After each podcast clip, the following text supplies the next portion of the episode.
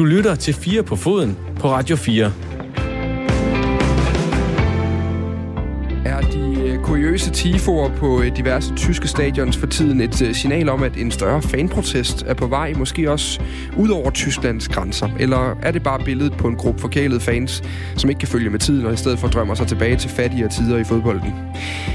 Hvad skal konsekvensen så egentlig også være, når en fodboldspiller endelig får nok af komplet åndssvagt tilråb på tilskuerrækkerne, og faktisk stikker jagt op over stolrækkerne på jagt efter en sønder øh, bag de her åndssvage råb?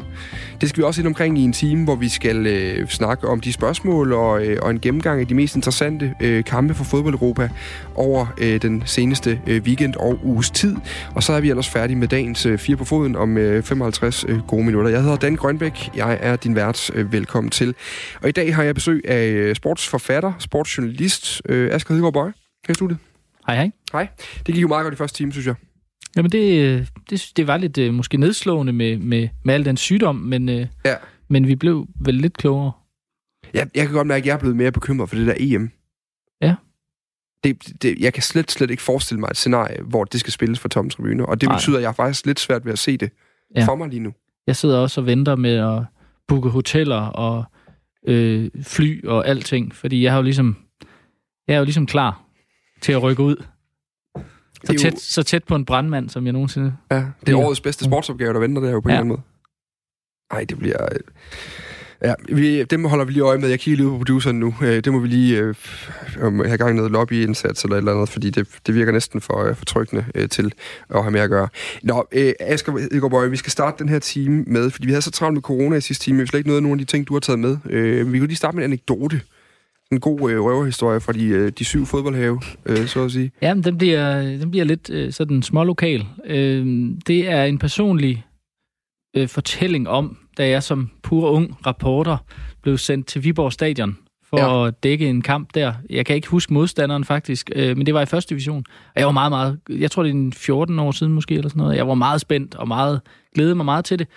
Og kommer ind her på, på, på det her fine stadion, øh, og, og og med det samme, det her med at komme ind og sidde på, øh, på pressepladserne, og man sidder endda bag glas på Viborg Stadion, og det var godt vejr, så vi kunne åbne glasset lidt, så vi også kunne fornemme lidt stemning, og og det gik meget godt, og jeg fik skrevet mine ting der, øh, efterfølgende min artikel, øh, men det tog lidt lang tid, og jeg, åh, jeg, jeg kunne ikke rigtig blive færdig. Og jeg kunne godt se, at lyset sådan begyndte at blive slukket rundt omkring mig. Altså først på stadion, så, øh, og også øh, og så lokalerne rundt om, og så mit eget lokale, og, og jeg tænkte ikke videre over det, fordi jeg havde en deadline, og jeg skulle ligesom skrive op mod den og, og aflevere mine ting. Og da jeg var færdig, så var jeg låst inde. På Viborg Stadion. Så kunne jeg ikke komme ud. Øhm, så, så, så jeg gik rundt først. Jeg kunne få lov at komme ud af en dør, og så, så kom jeg hen til en anden dør, der var låst udefra. Og sådan, det var virkelig en labyrint at komme ud. Jeg kom ikke ud før øh, efter lang tid, hvor der kom en eller anden øh, tilfældig person forbi, som heldigvis arbejdede på stadion, og som kunne se, at jeg sådan stod derude som sådan en, en gorilla i, i Zoo, og bankede løs på, på alt glasset. Øh, og han fik, så, øh, han fik så hjulpet mig ud på en eller anden måde. Så altså, fra den dag af har jeg altid tænkt på det her, det her udtryk med en festning.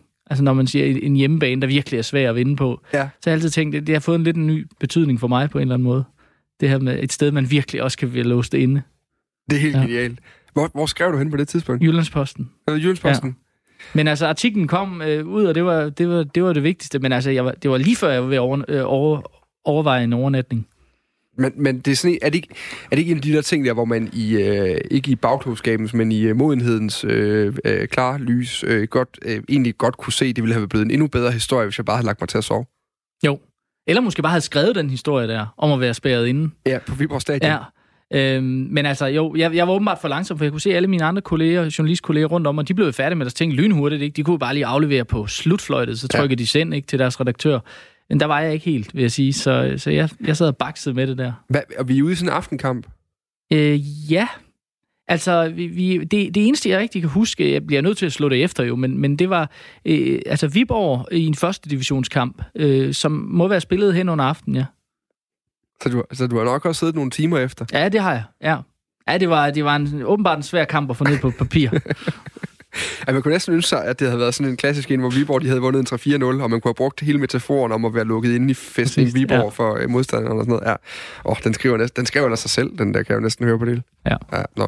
Vi skal øh, til en af dine andre øh, skriblerier, Asger, fordi i, hvis man køber weekendavisen den her, fra den her weekend, der netop er øh, overstået, så har du lavet et, øh, et stykke tekst, der hedder øh, Slaget om tribunerne. Det handler om øh, jeg starter jo egentlig med FC Bayerns øh, storsejr over Hoffenheim i sidste weekend, som vi også vendte faktisk med din kollega øh, Jesper Vind fra Weekendavisen, der er Tysklands medarbejder der i mandags. Øh, det handler simpelthen om, at øh, kampen vinder de 6-0, men øh, undervejs bliver der simpelthen hævet, hævet nogle, nogle tifor øh, hos det, der hedder Red Fanatic øh, Bayern, mener jeg, Red Fanatic München måske, den fangruppe, en gruppe ultras, øh, som hæver et, øh, et, et, et, et banner, hvor de kalder øh, Dietmar Hopp for øh, Hurenson, altså Luders søn, dernede. Og det har jo så skabt en masse ravage. Det ender med, at kampen bliver spillet færdig på sådan nogle helt øh, jammerlige vilkår, hvor øh, spillerne mm. bare står og kører rundt mellem hinanden i en protest mod fansene, og kampen har været stoppet og alt muligt andet værk. Men i den her weekend, der var den gal igen, da Robert Skovs øh, Hoffenheim, de så spillede hos Schalke 04 i Gelsenkirchen øh, i Bundesligaen. Hoffenheim, de blev mødt med to store banner, hvor der stod, vi undskylder for, over for alle luder, der er blevet sat i forbindelse med her hop. Mange fans er altså på nakken af ham her hop, og det er ikke rigtig nogen nyhed. Den her 79-årige rigmand har i årvis været omdiskuteret. Han har været forhat, øh, fordi man ser ham som øh, symbolet på jamen, mere eller mindre alt, hvad der er galt med fodbold mm. i, i vores tid, især i, i Tyskland. Til at starte med, du har skrevet den her artikel, du lige så godt forklare det, som jeg kan. Hvad er det, man ser? Hvad er det for nogle, nogle ændringer, de læser ind i hop som person? Det er, at øh, fodbolden er blevet øh, for kommercialiseret, for topstyret, for strømlignet og har mistet sin sjæl. Det er, vel, det er vel det, han kommer til at stå som symbolet på. Man kan sige, øh, det er, kan man sige, egentlig fair nok øh, på, på nogle måder, fordi han jo, øh, den her rigmand fra, fra det sydvestlige Tyskland, som, som kaster sin kærlighed over den her klub, som han selv har spillet i som barn, Hoffenheim, og, og bygger den op fra ingenting. Ikke lynhurtigt, men sådan tålmodigt og gennem årene og med oprykning i Bundesligaen og deltagelse i Champions League for et par år siden, og, sådan, og, og nu har manifesteret sig i den bedste halvdel af, af, af Bundesligaen som en, en stærk klub, til trods for, at der bor 3.000 mennesker i byen Hoffenheim, og stadion ikke engang ligger i byen, men i nabobyen. Øh, så det er for mange øh, tyske fans, øh, rigtig mange tyske fans, øh, øh en, en, altså et symbol på, ja, som du siger, hvad er der, alt det, der er galt med fodbolden, eller den retning, fodbolden har. Øh, der er også andre end Hop selvfølgelig, som, som tegner den her udvikling. Man kan sige, det er måske en lille smule overraskende, at det lige er i de her år, at han igen, fordi han har været, øh, han har været kritiseret øh, skarpt øh, tidligere, men at han igen øh, bliver det, fordi man kan sige, det kunne lige så godt være Red Bull i Leipzig øh, som er mere måske et mere oplagt øh, sted at tage fat med kritikken, men jeg tror, den rammer ham, fordi han er den eneste, der sådan står frem som enkeltperson. Altså, hvem skal man skyde på i Red Bull? Ingen kender øh, de folk, der, der leder det der i, i Leipzig. Det er ikke folk, der sådan står frem, men, men Hop har jo virkelig øh, det her projekt Hoffenheim har været hans, øh, og der er sådan en personlig forbindelse fra ham og til klubben. Mm. Øh, så han er, han er en nem skydeskive, kan man sige. Øh, ja. Men, men, og det interessante ved Hop er jo også det her med, at han har den her kæmpe IT-virksomhed, der hedder SAP, mm. øh, som jo er, jamen det er vel, jeg mener, jeg har hørt nogen sige, det er en af verdens største mm. IT-virksomheder, og som er det, der hedder Premium Partner Øh, mm. altså, de er selvfølgelig, de ejer nærmest hele Hoffenheim, øh, og har omgået det her særlige øh, fan-ejersystem øh, ved mm. øh, nogle forskellige manøvrer. Men derudover så er de også premium partner i DFB, mm. som jo sådan på en eller anden måde også bliver skurken i det her, altså det tyske fodboldforbund. Ja. Hvad, hvad, er det, hvad er det, der er øh, mellem fansene af det her fodboldforbund? Man kan sige helt konkret, så, så den ballade, der er nu, er, er, er udsprunget af øh, det, det, det, det man kalder kollek- den kollektive straf, som, øh, som, øh, som DFB øh, øh, benytter i forhold til klubberne. Det vil sige, er der øh, 10 Dortmund-fans, der opfører sig dårligt, så straffes alle Dortmund-fans. For eksempel med øh, ved at ikke at må, må møde op på, på, på stadion øh, næste uge, øh, eller øh, klubben straffes med en bøde. Det er de her kollektive sanktioner, som klubberne i overvis har protesteret mod. Og øh, for et par år siden øh, indrømmede DFB faktisk, at det formentlig stred mod alle mulige former for, for, øh, for borgerrettigheder, øh, og at, øh, at, øh, at det ville man undgå, det ville man lade være med. Så, så, så lod man være med det i nogle måneder, øh, og nu har man så gjort det igen her senest med Dortmund, som er blevet straffet ved, at de må ikke møde op Dortmund-fans øh, til øh, kampe mod Hoffenheim, altså på Hoffenheims øh, stadion i de kommende to sæsoner. Mm. Og det er det, som man reagerer på på tværs af... Øh, af fangrupperinger i Tyskland. Og det er jo meget interessant også med de her nye alliancer, vi ser øh, udspille sig, altså hvor, hvor klubejerne eller klubtoppen øh, står side om side. Dietmar Hopp og Karl-Heinz Rummenigge i Hoffenheim-Bayern-kampen står nede øh, skulder ved skulder på sidelinjen.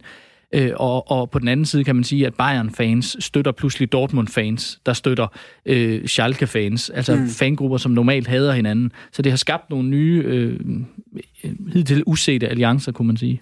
Og, og de her, nu nævnte jeg, nu har vi bare lige taget øh, afsæt i Schalkes altså tifo. Der har været tifoer men nærmest, ej, ikke alle kampe, men et, et, et flertal mm. af kampene i Bundesligaen den sidste halvanden uges tid, har på en eller anden måde haft tifoer, der talt ind i den her samtale, der ligesom mm. er øh, omhop, medhop med DFB, mellem øh, fansene og så videre efter det her øh, banner. Det interessante er jo også, du skriver din artikel, hvor du ligesom koger det helt ned, og så skriver du spørgsmålet, der ikke kun er tysk, men europæisk lyder, hvem bestemmer over fodbolden? Øh, for vil vi have utæmmet fest eller ordnet forhold. Mm. Du har også omkring tysk fodbold, som jo i mange år har levet, mens Premier League er blevet dyrere og dyrere, og der er kommet færre og færre på stadion, ja. og Spanien er også er, har ændret sig, hvor øh, kampe lige pludselig bliver spillet i underlige ørkenstater øh, og så mm. videre. Så er Tyskland jo stået som den her ja. øh, et, et sted, hvor der var billige fodboldbilletter, der var en god fest på stadion. Vi har alle sammen siddet beundrende derhjemme og set Champions League-fodbold, når øh, Dortmund har spillet, og man så den her øh, gule væg, og de tifor, mm. de kunne have op der. Ændrer det her ved, ved Tysklands Mm, er du med? Jamen det er i hvert fald, altså det rokker ved den der, øh, ved den der øh, positive fortælling om tysk fodbold, for som du siger, så, så, så øh, i de seneste måske 10 år har man kunne se mod Bundesligaen og se, at der har man både kunne feste og gøre det inden for ordnet forhold. Altså fordi der har været gang i den på tribunen, men det har samtidig været familievenligt. Der har ikke været folk, der bliver slået, slået ned og slået ihjel, og, og, og, og på den måde har huliganismen været der, men den har været trængt helt i baggrunden, kan man sige. Især i vest, i vestlige Tyskland. Der har været problemer, eller mange problemer i, i, i Østtyskland øh, med, med, med, med fanvold. Men man kan sige, at det overordnede billede af tysk fodbold har været et sted, hvor det både har været fedt at komme, komme på stadion, og, og, og der har været øh, stadigvæk masser af tv-seere. Der har været en økonomi, der er gået øh, i den positive retning. Øh, og så har man, ja, man har samtidig kunne styre det fra myndighedernes side, og det er klart, det kan man ikke nu, fordi det er det, er det der gør øh, den her øh, ballade øh, enormt svær for det tyske fodboldforbund, mm. hvis vi tager deres øh, perspektiv. De kan ikke styre, hvad der sker nu de kan, de kan godt, øh, man kan sige, de kan, de kan blive ved med at straffe sig ud af det her, men, men de kan ikke styre, øh, øh, der vil altid komme et banner op på et eller andet tribuneafsnit på et eller andet stadion mm. i, i et eller andet sted i landet. Og, og, øh, og, og, det, og det kan de ikke stoppe nu. De er ligesom, der er ligesom sat gang i den her lavine. Øh, og jeg er meget, meget spændt på, hvor det ender. Øh, fordi der har i de seneste år været et tilløb til, at myndighederne har ville kontrollere de mm. tyske fans mere og mere. Øh, og, øh, og, og, øhm, og, og og de skal ikke gå meget længere af den vej, før at, øh, før at fansene virkelig gør oprør, tror jeg. Men, men det næste spørgsmål kunne så være, hvordan? Ja, præcis. Fordi, fordi hvad, hvad gør man? Ja, fordi, og det, og, og det, det er grunden mm. til, at jeg synes, emnet var relevant at tage op igen. Det er fordi, hop er øh, på alle mulige måder ikke særlig anderledes for de klubejere vi ser i England, mm. hvor så mange danske fans jo svæver til britisk fodbold og flyver derover og øh, vi har altså øh, mere eller mindre shopper tv-pakker efter, hvor man kan se sit øh, yndlingsengelske hold øh, spille hen.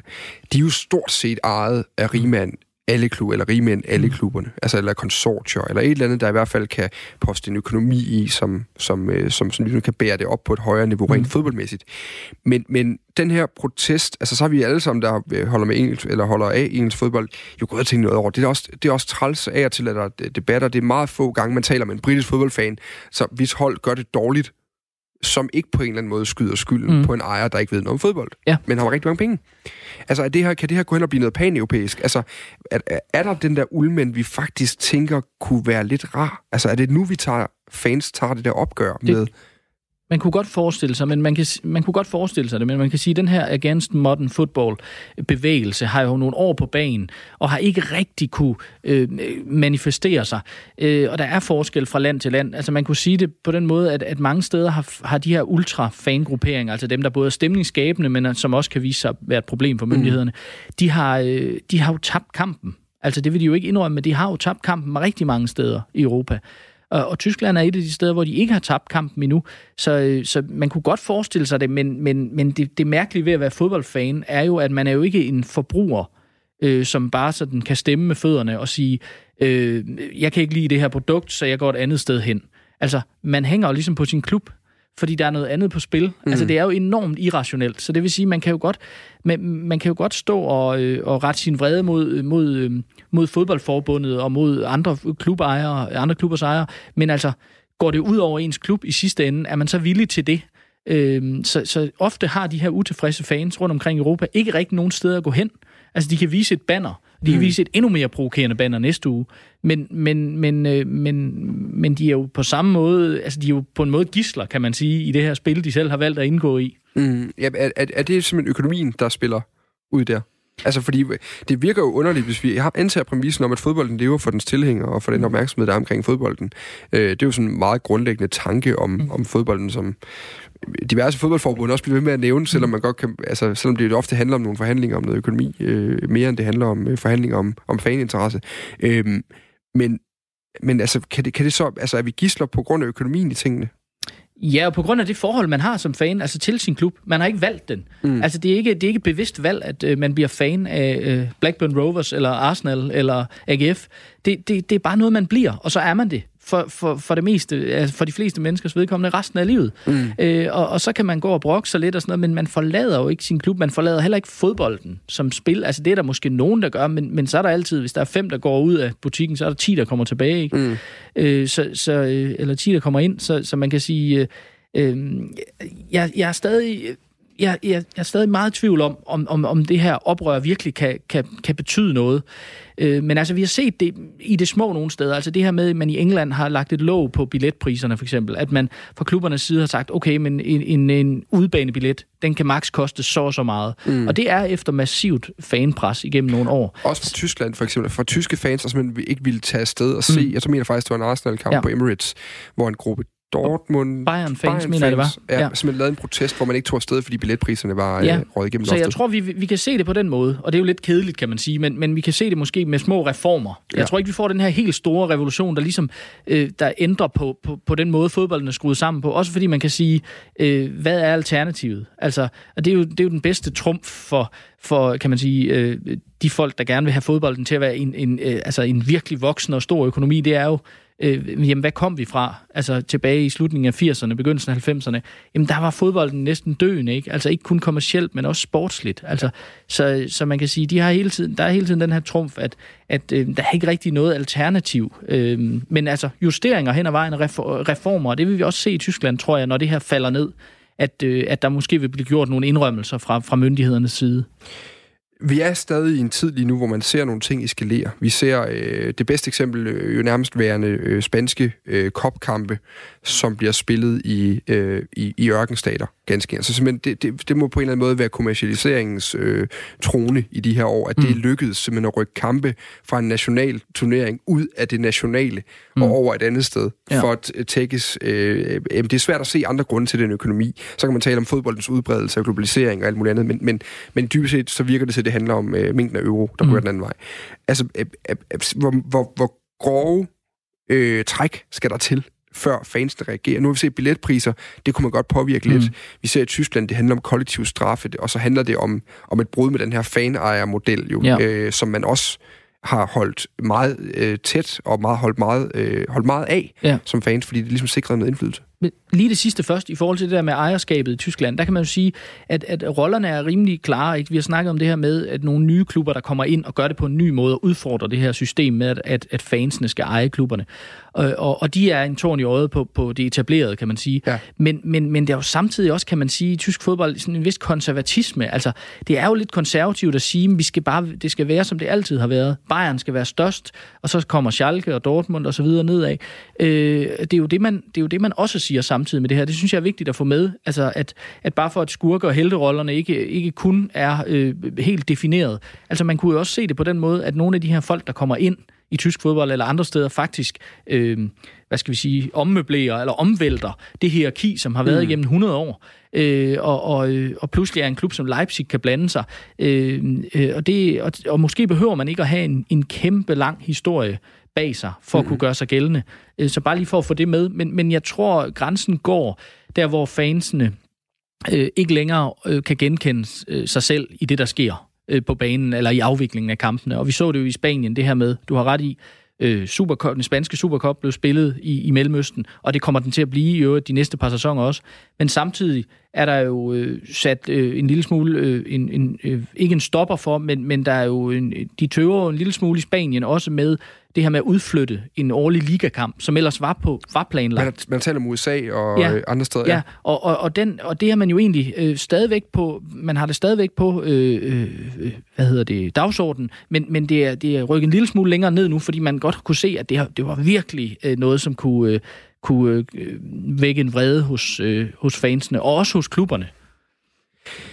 Jeg kan godt lide, noget du lige, vi selvfølgelig skal ind på til sidst, det er netop det her med, er, er forandring altid mm. skidt? Altså en ting er, at vi kan, altså mange fans vil på et øjeblik kunne blive enige om, at øh, stigende billetpriser øh, øh, jeg har sådan en øh, yndlingsaversion, øh, efter jeg var over at se... Øh, nu, jeg holder med Arsenal, jeg var over at se dem på Emirates, øh, hvor øh, da jeg går ud af den her, vi har på en eller anden måde fået formøblet os ned i hospitality enden på det her stadion, og da vi går ind i øh, loungen i pausen, så er der simpelthen øh, altså, specielt lavet mikrobryg øl fra et eller andet øh, lokalt øh, for dyrt bryggeri, og stenovnsbagte pizzaer med Jamen, det var...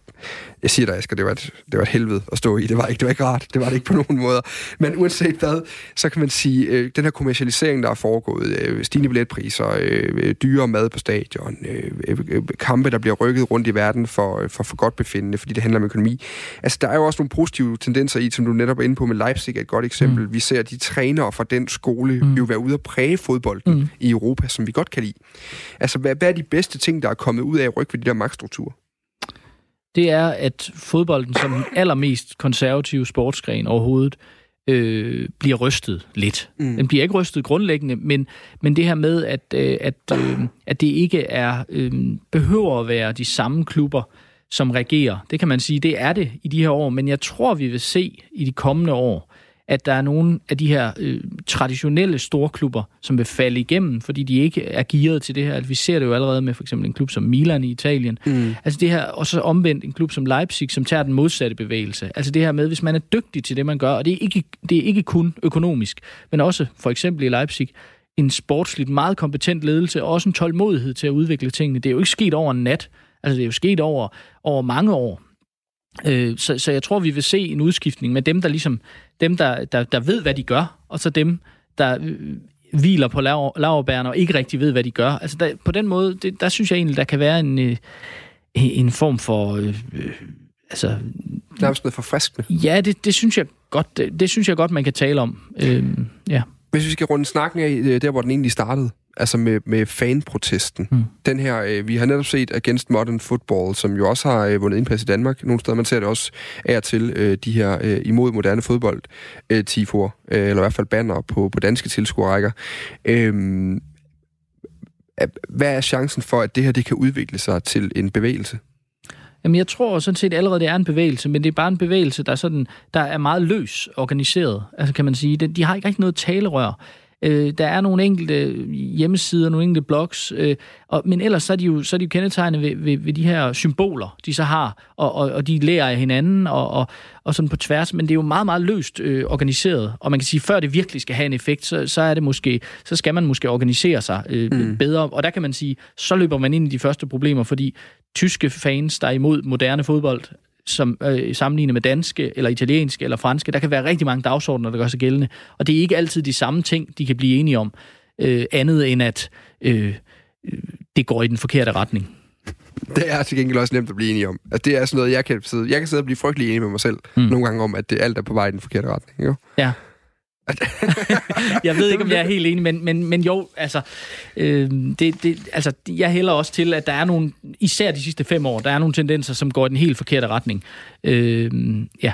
Ja, men det er jo igen øh, alt efter brillerne, der ser på det. Øh, men uanset hvad, øh, jeg synes, uanset hvor man er og øh, hvem man er, så er det en god idé, hvis man bare har den mindste kærlighed for fodbold og begynder at holde øje med det, hvad der foregår i Tyskland lige nu. Der er flere Twitter-profiler, som er rigtig gode at kigge efter. Øh, det dels de her, øh, ham, øh, den der en, en øh, tysk uh, The Guardian-skribent, der hedder Raphael Honigsteiner. Mm. Øh, rigtig god, øh, har mange ting. Og så er der altså også den danske side Bullybold, mm. som virkelig er skarp på, øh, hvad der foregår dernede, og deler mange billeder af de her øh, tifor dernede fra, som er altså interessant at holde øje med. Jeg har lige en enkelt ting, Ja. på falderæbet på det her emne. Ja, så, som en af de sjove ting, øh, som, som er kommet ud af det her, det var den, en, en, en kendt, øh, rigtig dygtig tysk journalist, Christoph Biermann, som, som i en podcast skulle forholde sig til det her.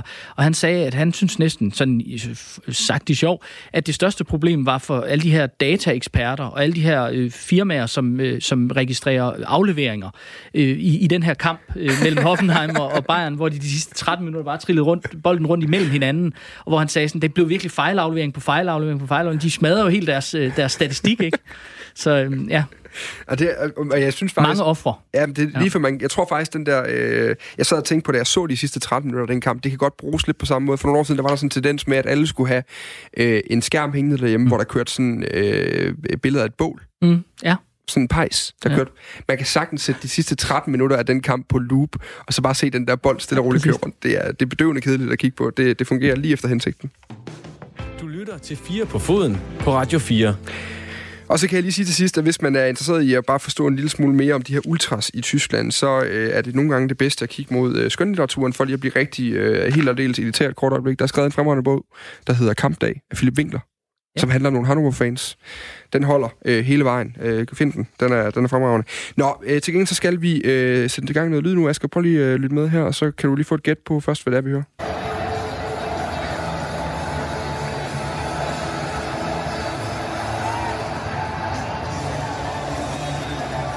Det går først nu, det går op for mig, hvor svært det er at gætte ud for det her, hvad det egentlig er. Vi, okay, det her, det er, øh, hvis du, når du har været på stadion, så er der altid øh, efter kampen, så bliver sat musik på. Mm. Og så løber de her, lunder de her spillere sådan stille og roligt Mm. rundt, og lige sådan køler ned og værker. Her der er det aften. Øh, vi er i England helt præcis, så er vi på Tottenham, Tottenham Hotspurs nye øh, stadion i øh, London. De har lige tabt til øh, Premier Leagues bundhold Norwich i FA-koppen efter straffesparkskonkurrence. Og øh, Tottenhams øh, midtbanesleder Eric Dyer er i gang med at øh, lunde af nær tribunerne.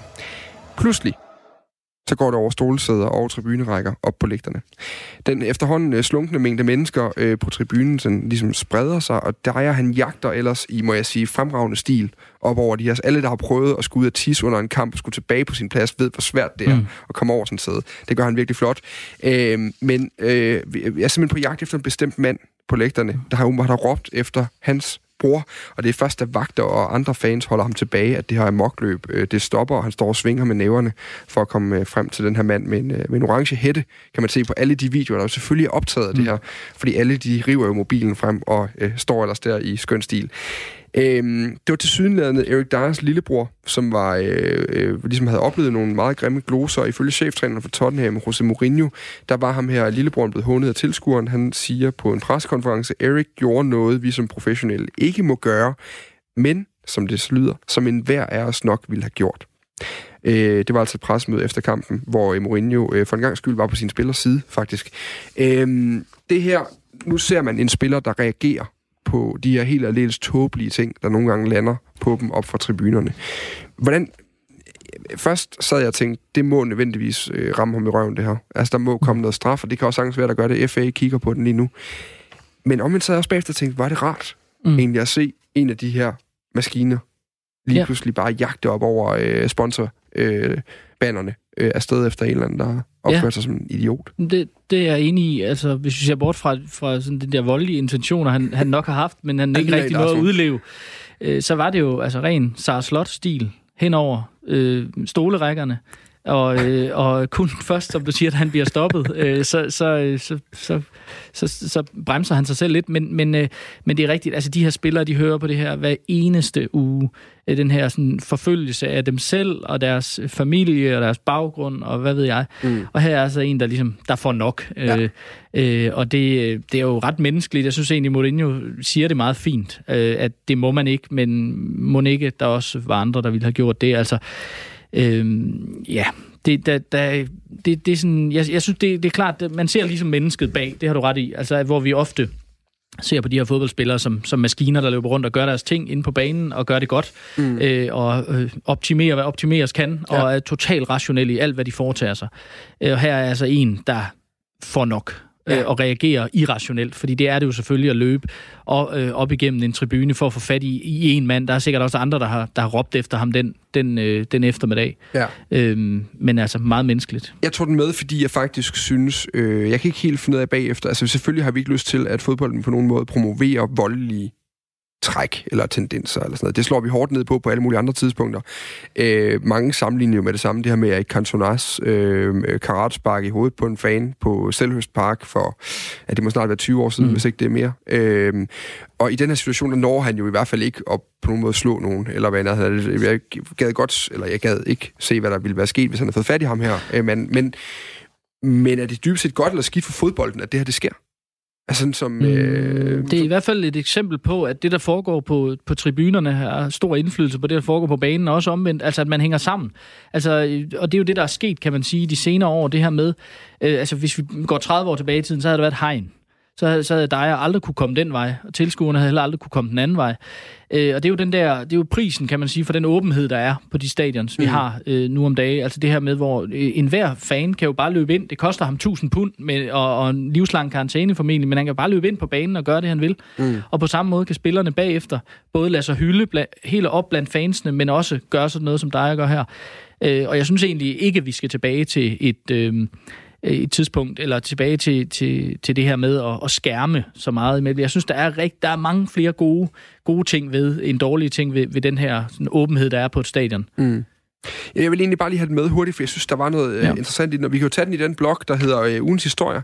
Ja, der har du jo også taget en med, øh, Asger, som, som vi lige skulle øh, snakke om. Ja, men det, den, den har, har med den her coronavirus øh, at gøre, øh, fordi der har jo været mange mærkelige scener over hele Europa øh, på grund af, af, af coronavirusen her, og, og de øh, foranstaltninger, man har skulle gøre.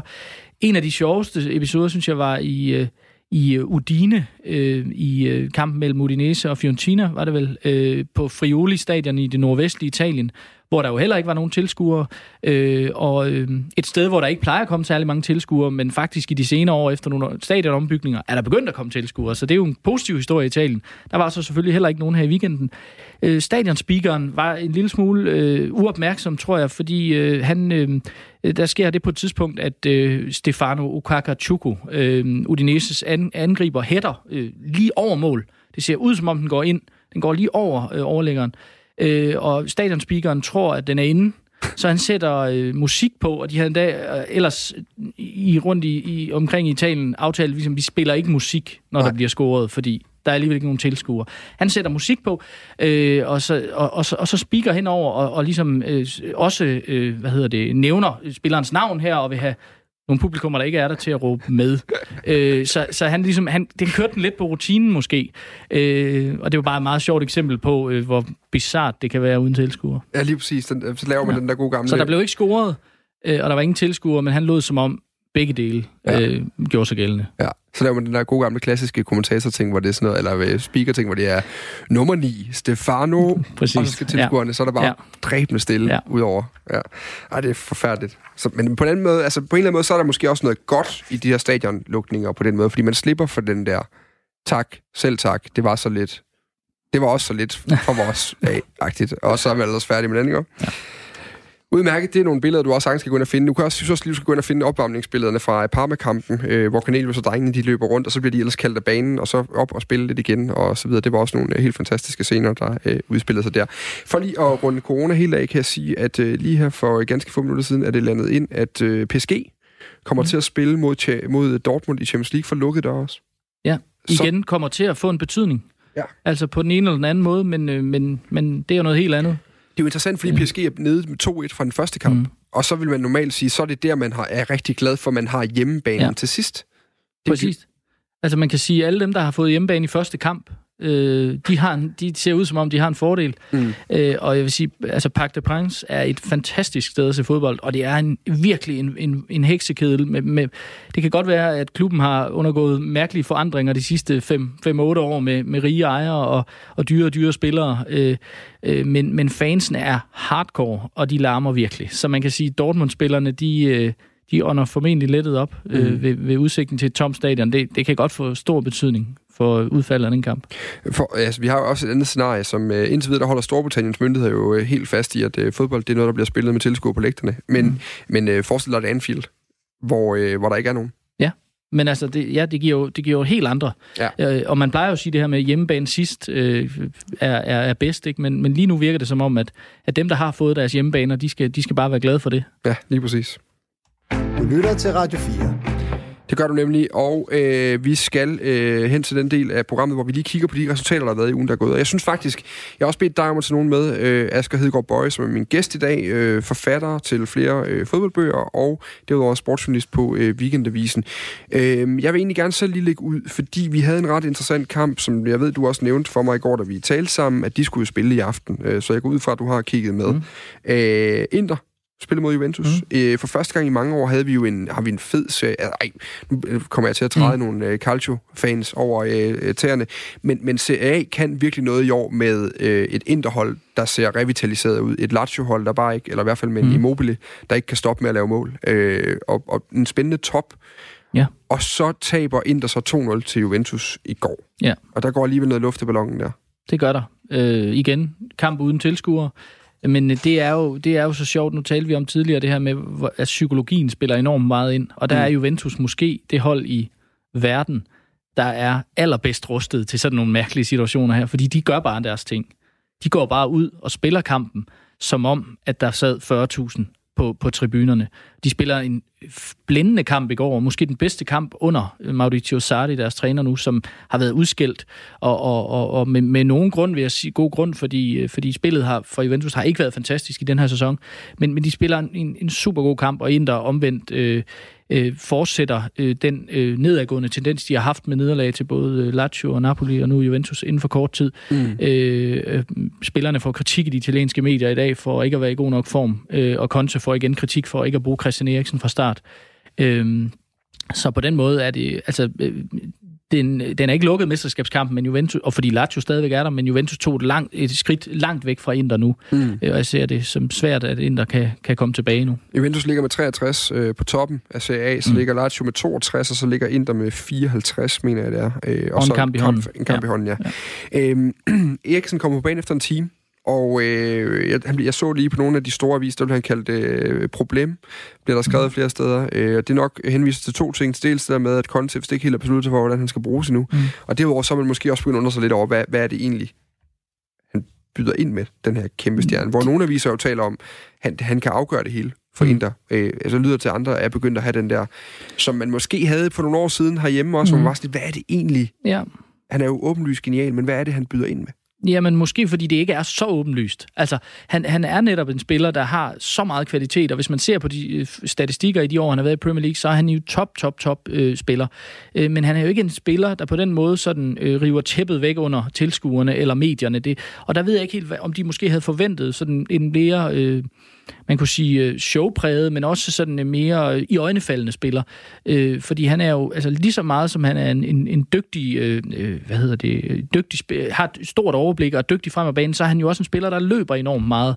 Øh, men det er, jo ikke kvalitet, det er jo ikke en kvalitet, der nødvendigvis øh, er i øjnefaldende. Øh, så, så jeg tror, at ja, det er en blanding i Italien lige nu, at her kommer en spiller, som er, har været en af de mest hypede spillere, der er kommet til italiensk fodbold i mange år faktisk. Øh, Hvorfor bliver han ikke brugt? Er det fordi, at han ikke øh, passer ind, eller er det bare fordi Conte er øh, kontrær og gammeldags? Fordi det er jo noget, vi ofte ser i Italien, det her. Øh, altså, øh, det her med spillere, det tager tid at vende sig til at være i italiensk fodbold, fordi det er et enormt taktisk spil, øh, og, og træningssessionerne bliver stoppet konstant. Der er hele tiden øh, sådan en mikrostyring af, hvad der foregår på holdet. Og, og det er noget andet end i Premier League, eller i, i Spanien, eller i Tyskland, hvor man jo nogle gange ser det her med en spiller, der skifter til en klub, og så starter han inden to dage senere. Altså, mm. øh, øh, og, og det, øh, vi har set Brathwaite i, i Barcelona, hvor hurtigt han er kommet ind på holdet. Øh, og det, det ser man ikke i Italien. Men, men, men det er klart, når spilleren er så, øh, så, øh, så stort et navn, som han er her, så kræver man også noget. Og nu kan man, som du siger, begynde at se øh, tegning til i medierne. Og det er ærgerligt for Christian Eriksen, det her med, at at man begynder at sige, okay, hvorfor har han kun startet inden? Er det tre ud af otte gange, og, og, og starter ikke i de her store opgør? Men jeg tror nu nok, det skal...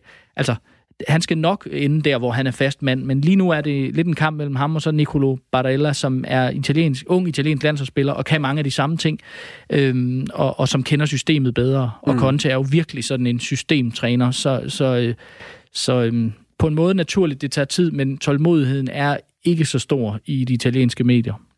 Og, og i de italienske medier kan vi også sige, noget, der også bliver diskuteret, det er jo ham her sportsministeren Vincenzo Sperdafote, altså har været ude at sige, at han synes faktisk, man skulle overveje at stoppe al fodbold i uh, Serie A over de næste uh, uger nu, indtil man har styr på den her coronasmitte. Det er også et land, der er enormt uh, hårdt ramt, og uh, hvor 15 millioner mennesker nu er blevet sat i karantæne med de steder politi. Uh, øh, beskyttelse, ellers ved, ved, ved, til fangetagelse, tilhold, jeg ved ikke, hvad man kalder det. Ja, ja, men der er jo 12 provinser, man har lukket ned. Ja, altså der er blandt Lombardiet, hvor der bor millioner af mennesker, ja. øh, og hvor der har været spørgsmål om, hvem kunne, hvem kunne slippe ud af, af de her regioner før det her, for det ligesom blev lukket ned. Ja.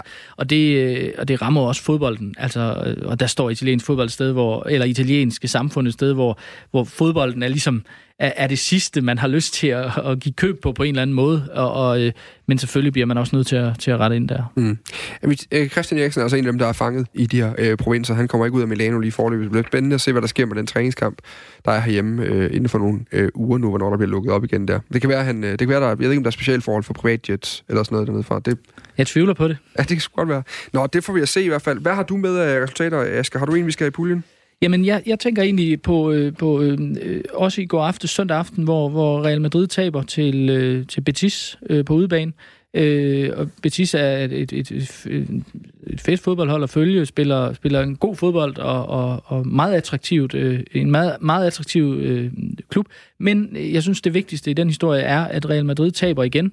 Barcelona øh, vinder dagen før, men de hakker sig igennem det begge klubber, øh, og de ser ud som om, at de ender på 80-85 point, som kan lyde fint, men de plejer altså at ligge omkring 95-100 point. Øh, så så det, er, det er ligesom taget toppen af deres suverænitet, mm. og samtidig med, at Atletico Madrid ikke er så stærke, som de plejer at være. Så span- det, toppen af spansk fodbold er efter mange år som virkelig dominerende faktor, også internationalt, ser ud som om er lidt svækket for tiden af, af forskellige årsager. Mm. Jeg hørte den uh, britiske podcast uh, Football Weekly, hvor de også taler om det her, hvor, hvor det, altså det her, den her, uh, det, det er en ærgerlig sæson, hvor Atletico det kan man har sige. spillet dårligt, fordi det her mesterskab har været, og vi skulle sige 85 point, er stadig mange ja, ja. for x antal 30 kampe, de spiller dernede, mm. men, men, men det har været billigt til salg. Altså, ja, hvis det, det var, har det. Ja. Det har det. Øh, og og, og det, det har været en af de få sæsoner i, de store, øh, i en af de store europæiske ligaer, hvor man faktisk kan komme til fadet, som, som stadigvæk Atletico er en stor klub, men jo ikke ja. en, en af de her multinationale superklubber, som ligesom suger al magt til sig i de her år. Mm. Og det er Real Madrid og Barcelona, men de, har, altså, de oplever begge to, og det er ret sjældent, det sker på samme tid, at de, øh, at de har sådan en, en nedgangsperiode, altså i gåseøjne, fordi de vinder jo stadig deres øh, største delen af deres kampe, men de spiller bestemt ikke godt, øh, nogle af holdene. Øh, jeg vil gerne lige, øh, mens jeg lige øh, tænker under, vi lige om kampen her, de, de vinder jo, de taber 2-1 til Betis. Øh, øh, Betis kommer øh, foran, så bliver der udlignet på et straffespark, og så, og så scorer de til, til 2-1, og Betis øh, kommer altså øh, helt op på en 12. plads med den her sejr over Real Madrid, der, øh, der nu ligger øh, to point efter Barcelona, der fører rækken. Øh, Asger, øh, Champions League, Mm. Begge hold er stadig med. Og jeg tror, jeg har en automatreaktion ved står, når folk spørger mig, hvem er favoritter i Champions League i år. Så siger man, øh, inden man går i gang med at mm. snakke, så siger man Barcelona og Real Madrid, og så kan det godt være, at XXX mm. kan ja. være med. Det synes jeg ikke, det er man kan sige ikke den fornemmelse, man har i år, vel? det er det ikke. Jeg tror, øh, jeg tror øh, øh, Real Madrid øh, går ud. Jeg tror ikke, de, øh, jeg tror ikke, de, øh, de får vendt, øh, øh, hvad hedder det, kampen mod Manchester City. Nej. Øh, og jeg tror, Barcelona går videre øh, mod, mod Napoli. Øh, Øh, men jeg tror ikke, de, øh, jeg tror ikke, jeg ser dem ikke som et finalehold. Øh, jeg synes, der er andre klubber, der er stærkere. Altså for mig er Bayern München øh, favorit nu. Mm. Den måde, de har spillet på i Bundesligaen igennem mange, øh, igennem mange uger nu, efter en dårlig start i efteråret. Men jeg synes, de, de, de er fremragende lige nu, og har, har Lewandowski, der bare scorer mål på mål på mål, også i Champions League. Ja, Napri også, som ja, ja. Øh, også øh, ser øh, glimrende ud, når han ja, Jeg synes, de ser stærkest ud lige nu, men måske vil jeg sige, at set over, en sådan, øh, altså, set over hele fodbold Europa, så er der måske, så oplever vi måske det, det her meget sjældne i de her år, at der faktisk er mange af de store klubber, der ikke helt er, hvor de skal være. Altså, City er der heller ikke helt. Paris er der heller ikke helt. Øh, Liverpool har været der selvfølgelig hele sæsonen, ikke? og dem kunne vi også godt nævne, men, men, men det er svært at vinde to mm. turneringer i samme sæson. Øh, men altså, og de får også deres sag for her mod, mod Atletico Madrid. Men jeg vil sige, Bayern München er for mig, øh, er for mig favorit nu. Det er interessant. Barcelona de har øh, Napoli øh, mm. på hjemmebane, øh, også øh, afsluttende her nu. Øh, mens, mens Real jo, som du siger, øh, altså, skal på besøg hos øh, Manchester City, mm. øh, og øh, komme tilbage efter den nederlag i den første kamp. Så det bliver interessant, mm. øh, hvad der kommer til at ske der. Jeg synes også lige, vi skal, øh, vi skal uddele det ugens Letiché Ja. Her. Og jeg har faktisk valgt at lige gøre det nu. Altså, vi skal tilbage til resultaterne, men den ligger lige i Betis-kampen, mit bud. Har du et bud med? Jeg har et bud, øh, fordi der skal, det skal helst smage lidt af nostalgi, ikke? Det skal være... Øh, jamen, vi prøvede jo at definere det som alt det, der gør fodbold værd at følge. Ja, jamen det, må, det, må, det må indfri kravet her. Øh, det er øh, Daniele De Rossi. Vi skal uden for Europa. Ja, Den italienske legende, Yes. øh, som jo nu er i Boca Juniors. Ja. Øh, og hvor han øh, kun har spillet øh, fem kampe, 300 et eller andet minutter. Øh, kom jo sent ind i sæsonen. Øh, og, øh, men han, øh, han er blevet mester med Boca Juniors i går. Øh, og det er, jo, det er jo lidt smukt på en eller anden måde. Nu har han været i Roma hele sit liv. Han er født i Rom. Rigtig romer. Han fik jo aldrig det mesterskab. Han er for ung til at være med, da de vandt i 2001. Øh, og, øh, og, og har jo gået halvandet år 10 og gerne ville have det her mesterskab. Det lykkes ikke. Han tager til Argentina få måneder efter, så er han mester. Øh, og de har nogle regler i argentinsk fodbold, som man har mange steder. Det her med, at man skal have spillet et antal kampe for, for at kunne øh, få en medalje. Det har man så valgt at se stort på i tilfældet Det Rossi her. Han så får han en får en medalje. Ej, det er Øh, og, og så, så det tænker jeg, det må... Og, og i øvrigt så vinder Boca Juniors kampen ved at slå Gimnasia La Plata, altså Maradonas, den klub Maradona træner, Ja. øh, og Tevez scorer. Så altså, Jamen, der, det, alt er godt der er ved det der. ikke? fuld, fuld øh, nostalgisk øh, nostalgiplade her. Jeg vil faktisk ønske, at jeg ikke lige havde fået øh, pitchet. Jeg også havde en, fordi den, den passer fuldstændig perfekt på kategorien, også bedre end mit eget bud. Men jeg vil bare sige, hvis man nu gerne lige vil have noget, der lugter lidt mere af noget, der foregår på en fodboldbane, så kan man eventuelt lige gå ind og se øh, det første mål for den her Betis-kamp mod Real Madrid. Ja. Fordi der er intet, og jeg mener intet, det skulle lige være det Rossi, der får en guldmedalje, men der er ellers intet i verden, der er smukkere end en øh, kæmpe midterforsvar, som tyrer bolden ind. Altså det, Ja. er, det er simpelthen bare, midterforsvarmål er de bedste mål, altid. Undtagen, når det er Ramos, der scorer på hovedstød. Men altså, ellers så, øh, den der måde, han, øh, Sydney, den her kæmpe, øh, helt klods af en midterforsvar, modtager bolden lidt skævt på målet, og så hjerner han den op i nettaget. Ja. Og det er simpelthen bare skønt øh, på alle mulige øh, måder. Det var også, at han får ugens Letiché, øh, og det går op for mig nu, øh, producer Rasmus, nu kigger jeg lige ud på dig, den kunne jo sagtens hedde ugens De Rossi egentlig. Nej, vi, vi holder fast i Letiché. Vi holder fast i Letiché. Også selvom han mener underlige ting om corona. Vi holder fast i Letiché. Godt, vi går videre. Vi skal kigge på nogle flere resultater. Øh, det er dejligt lige at få, få øh, tingene øh, sat fast øh, på den måde undervejs. Jeg synes, vi skal til England en tur, Asger. Øh, United, de slår i går Manchester City. Ja. 2-0. Ja. Øh, på hjemmebane på Old Trafford. Øh, skønt andet mål også. Man kan gå ind og se mm. Et øh, udkast fra Ederson, som ellers normalt, det der med udkast, det, det sidder lige så skarpt, som det gør ved Schmeichel. Han kaster den direkte ud i, øh, i luften på øh, McTominay, som banker den ind fra det, der må være 40 meter, nærmest 35-40 meter, derfra, hvor han sparker den ja. I kassen i et, i et tomt mål. Men de vinder 2-0, og jeg var lige hurtigt inde og kigge nu. Altså på nuværende tidspunkt, der er det 10 kampe siden Manchester United, de har tabt. Mhm. Det var øh, mod Burnley den 22. januar. Ja. Siden da der har de vundet blandt andet 5-0 over Brygge. De har slået City to gange nu. Ja. Inden for, for den her periode. City, et City-hold, der vel mærke heller ikke er godt kørende. Er vi i gang med at se, nu har vi haft travlt med at fortælle alle sammen, at øh, Ole, han duede faktisk ikke rigtig mm. Mm. til noget. Det var et spørgsmål om tid, før det gik galt. Det har jo egentlig bare vist, at de havde brug for en midtbanespiller i øh, Bruno Ja, Fernandes. Bru- Bruno Fernandes har virkelig, virkelig været, været vigtig i, i den her opgang, de, de øh, optur, de oplever lige nu. Øh, ja, man kan sige, Solskjaer, om er han den rette mand eller ej, det er svært at sige, men han har i hvert fald en rimelig sådan, kvalitetstung trup stadigvæk. Altså, og det har han jo haft hele tiden. Mm. Øh, så, så der er nogle af de her spillere, der, der, der, der viser lige nu, at de har en kvalitet. Øh, men det går lidt under radaren, det er rigtigt, det her med, at de, at de faktisk er en af de mest formstærke, øh, et af de mest formstærke hold i Premier League.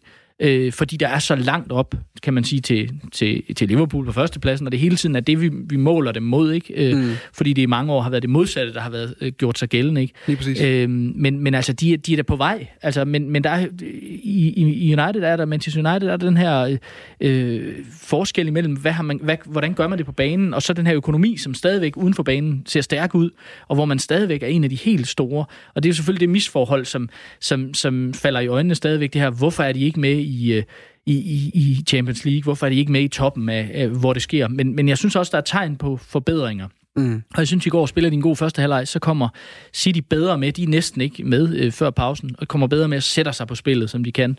Øh, men, men, øh, men skaber ikke nok chancer, og så får de det her mærkelige mål til sidst. Ja. Øh, Det Ja. er et meget fede mål til. Ja. sidst. Ej, men der er ikke noget som folk, der scorer for lang afstand i et tomt mål. Det, hold, det, kan, det kan noget, altså på et øh, ikke helt midterforsvar, der scorer på øh, hårde skud op i nettaget, ej, men men, på, øh, på Sydney, Sydney-barometeret, der er Ja. vi alligevel et stykke op, vil jeg sige. Øhm, det interessante ved United er jo også, hvad det egentlig er, de gør. Altså, hvordan de spiller. Fordi det har jo nok været det, mange af os har siddet og kigget på i løbet af sæsonen. Jeg kan huske den sidste kamp, de spiller mod City, mener jeg faktisk, det er.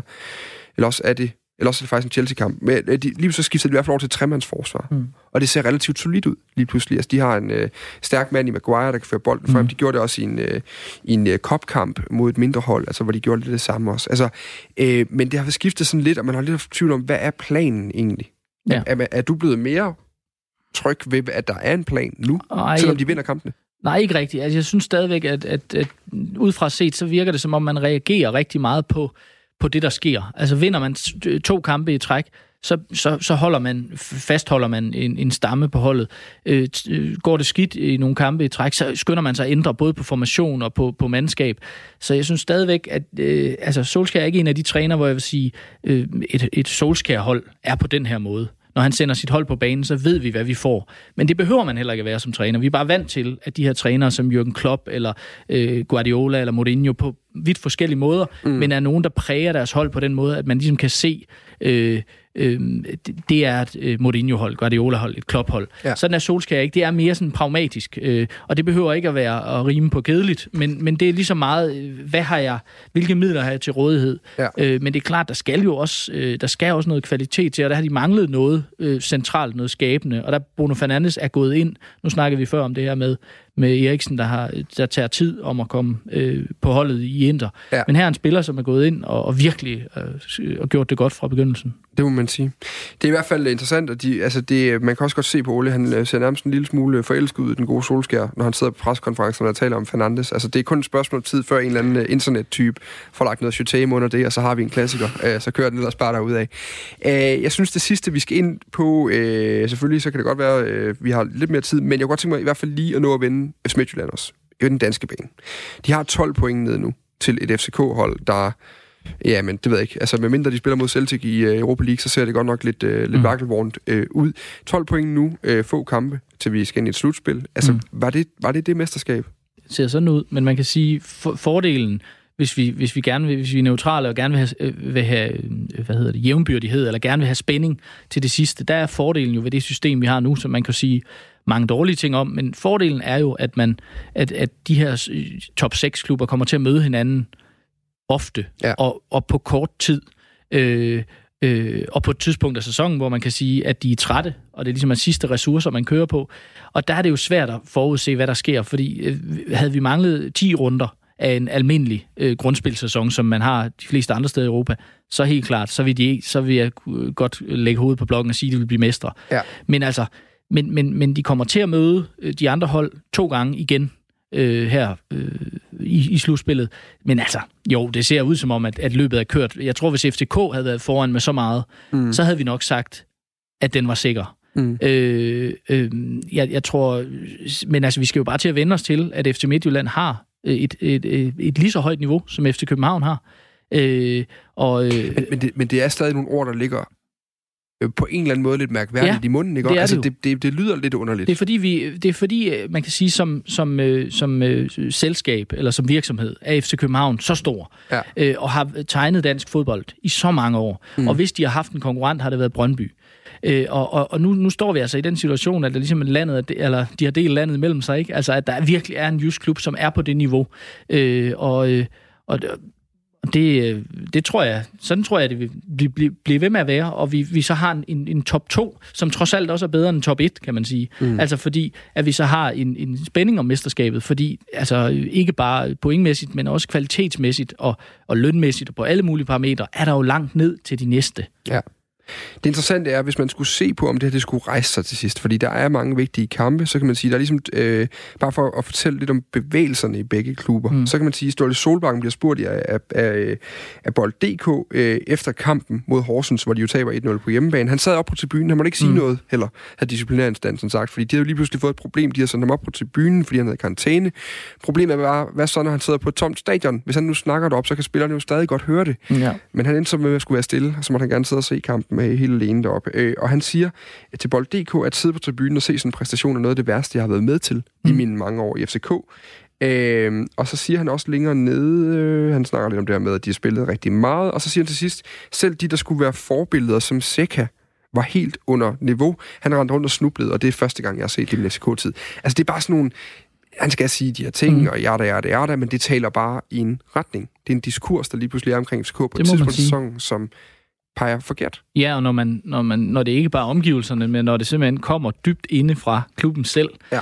øh, så, så er man jo et sted, hvor, hvor de går den forkerte vej, og det er helt klart, at pilen peger i hver sin retning med de to klubber. Og jeg tror også, øh, det kan være, at jeg får nogle FCK-fans på nakken nu, men jeg tror også, at, at muligheden for, at AGF henter ind på FCK, Ja. er om ikke øh, lige så stor, så måske større, end at FCK henter, øh, henter ind på, øh, på FC Midtjylland. Øh, så, så altså, jeg tror, jeg vil øh, sælge den for en sølvmedalje i den her sæson, selvom det jo for en FCK-fan er en, er en off-sæson, ikke? Men, øh, men øh, man kan sige, trods alt på en dårlig sæson, så ligger man der stadigvæk. Ja, der sidder garanteret nogle AGF og, og lugter, lugter blod der, og nu jeg synes allerede, de var begyndt at snakke om Champions League-deltagelse, det kan godt gå hen og blive rigtig giftigt for dem. Man kan stadig nå at komme i, øh, i øh, nedrykningsspillet, hvad vil jeg sige. Eller det kan de vel næsten ikke nu. Er de sikre, Rasmus, derude? Producer Rasmus. Han sidder, han sidder og googler allerede nu. Jeg kan se, at han er i gang med at tjekke FCK, eller AGF's chancer for at komme i, uh, i Europa. Uh, vi skal runde af her nu. Vi kan lige sige, som uh, bare for at tale positiv retning for FC Midtjylland, så har de i dag uh, går der historie om forlænget aftalen med målmand Jesper Hansen. 35 år gammel, øh, hamrende dygtig, vinder af det gyldne bur for ikke så mange uger siden. Og øh, han har altså fået en forlængelse på to år med en rigtig god øh, løn også. Der er simpelthen ikke noget bedre end at se gode spillere mm. blive honoreret med gode kontrakter, selvom de har en høj alder. Det er fremragende ganske enkelt. Øh, til sidst, så skal vi runde af nu. Gå ind og find os på Twitter. Asger, han skal nok, øh, han, han deler noget pjat. Man kan, nu, jeg hijacker lige din Twitter-profil og siger, du kan, måske kan jeg lige øh, overtale Asger til at dele den på et tidspunkt. Ingen kan finde den åbenbart. Ja. Sidder og smiler øh, beklemt derovre. Tak for besøget i hvert fald i dag, Asger. Det går godt. Lidt. Det var en fornøjelse.